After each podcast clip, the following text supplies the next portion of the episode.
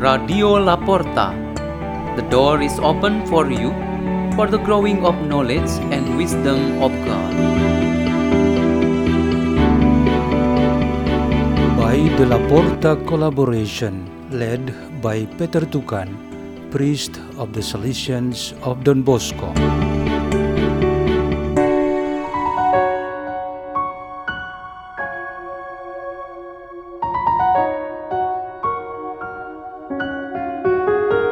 Readings and meditation on the Word of God on the sixth Sunday in Ordinary Time, February 14, 2021.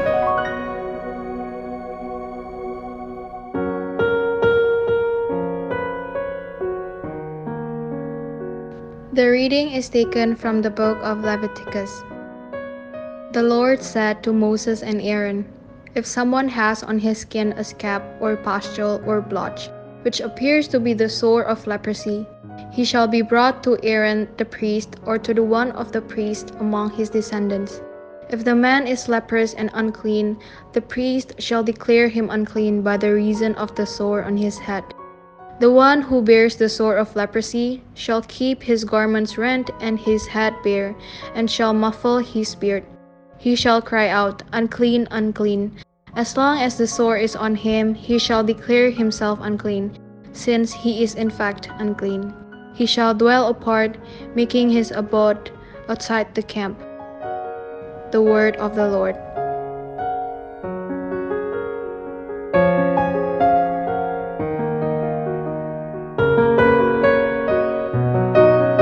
The reading is taken from the first letter of St. Paul to the Corinthians. Brothers and sisters, whether you eat or drink or whatever you do, do everything for the glory of God.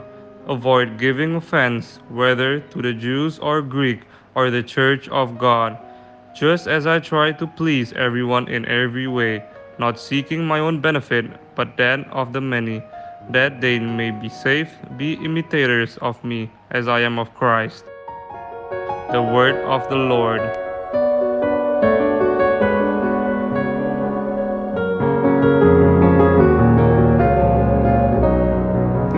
Gospel of Jesus Christ according to Mark chapter 1 verse 40 to 45. A leper came to Jesus and kneeling down begged him and said, If you wish, you can make me clean. Moved with pity, he stretched out his hand, touched him, and said to him, I do will it, be made clean. The leprosy left him immediately, and he was made clean. Then, warning him sternly, he dismissed him at once. He said to him, See that you tell no one anything, but go, show yourself to the priest, and offer for your cleansing what Moses prescribed, that will be proof for them. The man went away and began to publicize the whole matter.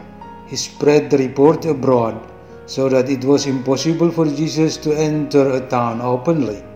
He remained outside the deserted places, and people kept coming to him from everywhere. The Gospel of the Lord.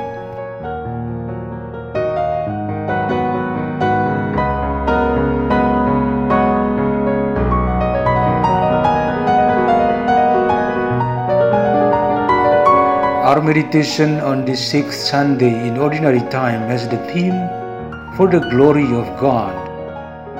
The phrase expressed in this theme is appropriate to be a guide or motto for the life of believers. This presupposes a goal to be achieved by every person in body and soul, which is the one's experience of the glory of God. The congregation of priests and brothers who follow the footsteps of Saint Ignatius of Loyola has an even more commendable expression that is commonly known as for the greater glory of God. This leads us to a simple question that we need to answer, which goes like this What does it mean by the glory of God? Its meaning is found in our perception about the glory of God that will never happen to God Himself but to His creation. And we human beings are the most special target where all about the will of the Almighty God is manifested. What to be manifested are the graces of peace and prosperity to every person, family, group, community, and nation.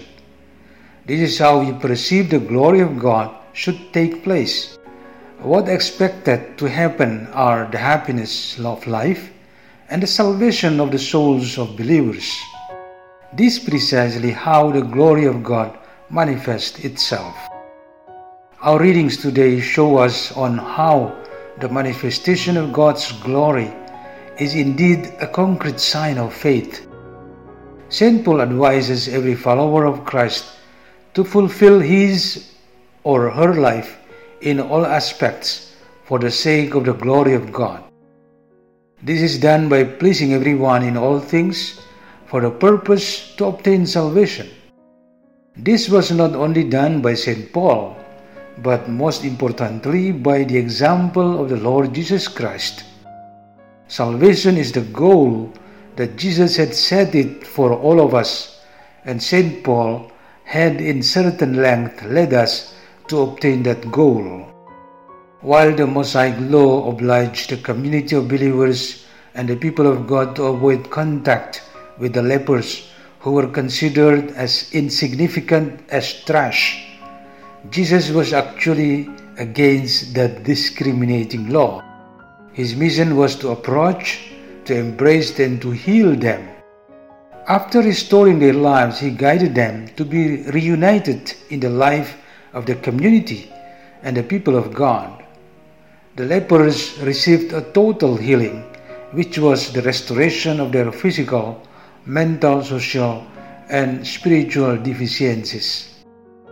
This was an example of having the glory of God, which in principle does not scatter, divide, exclude, marginalize, discriminate, but to restore, to unify, and to save people's life.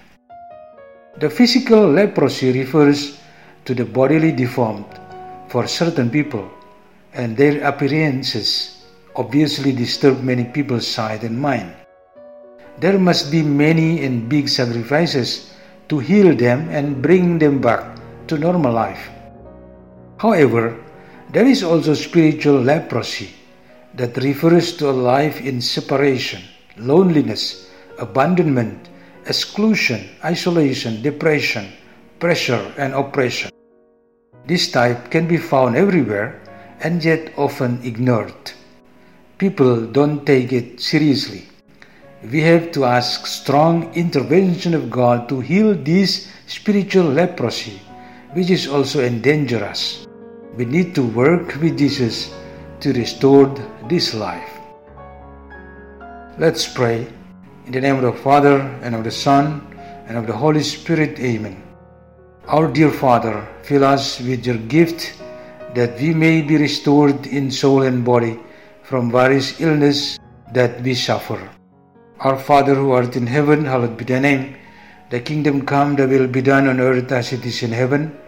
Give us this day our daily bread and forgive us our trespasses, as we forgive those who trespass against us. And lead us not into temptation, but deliver us from evil. Amen. In the name of the Father, and of the Son, and of the Holy Spirit. Amen. Radio La Porta. The door is open for you.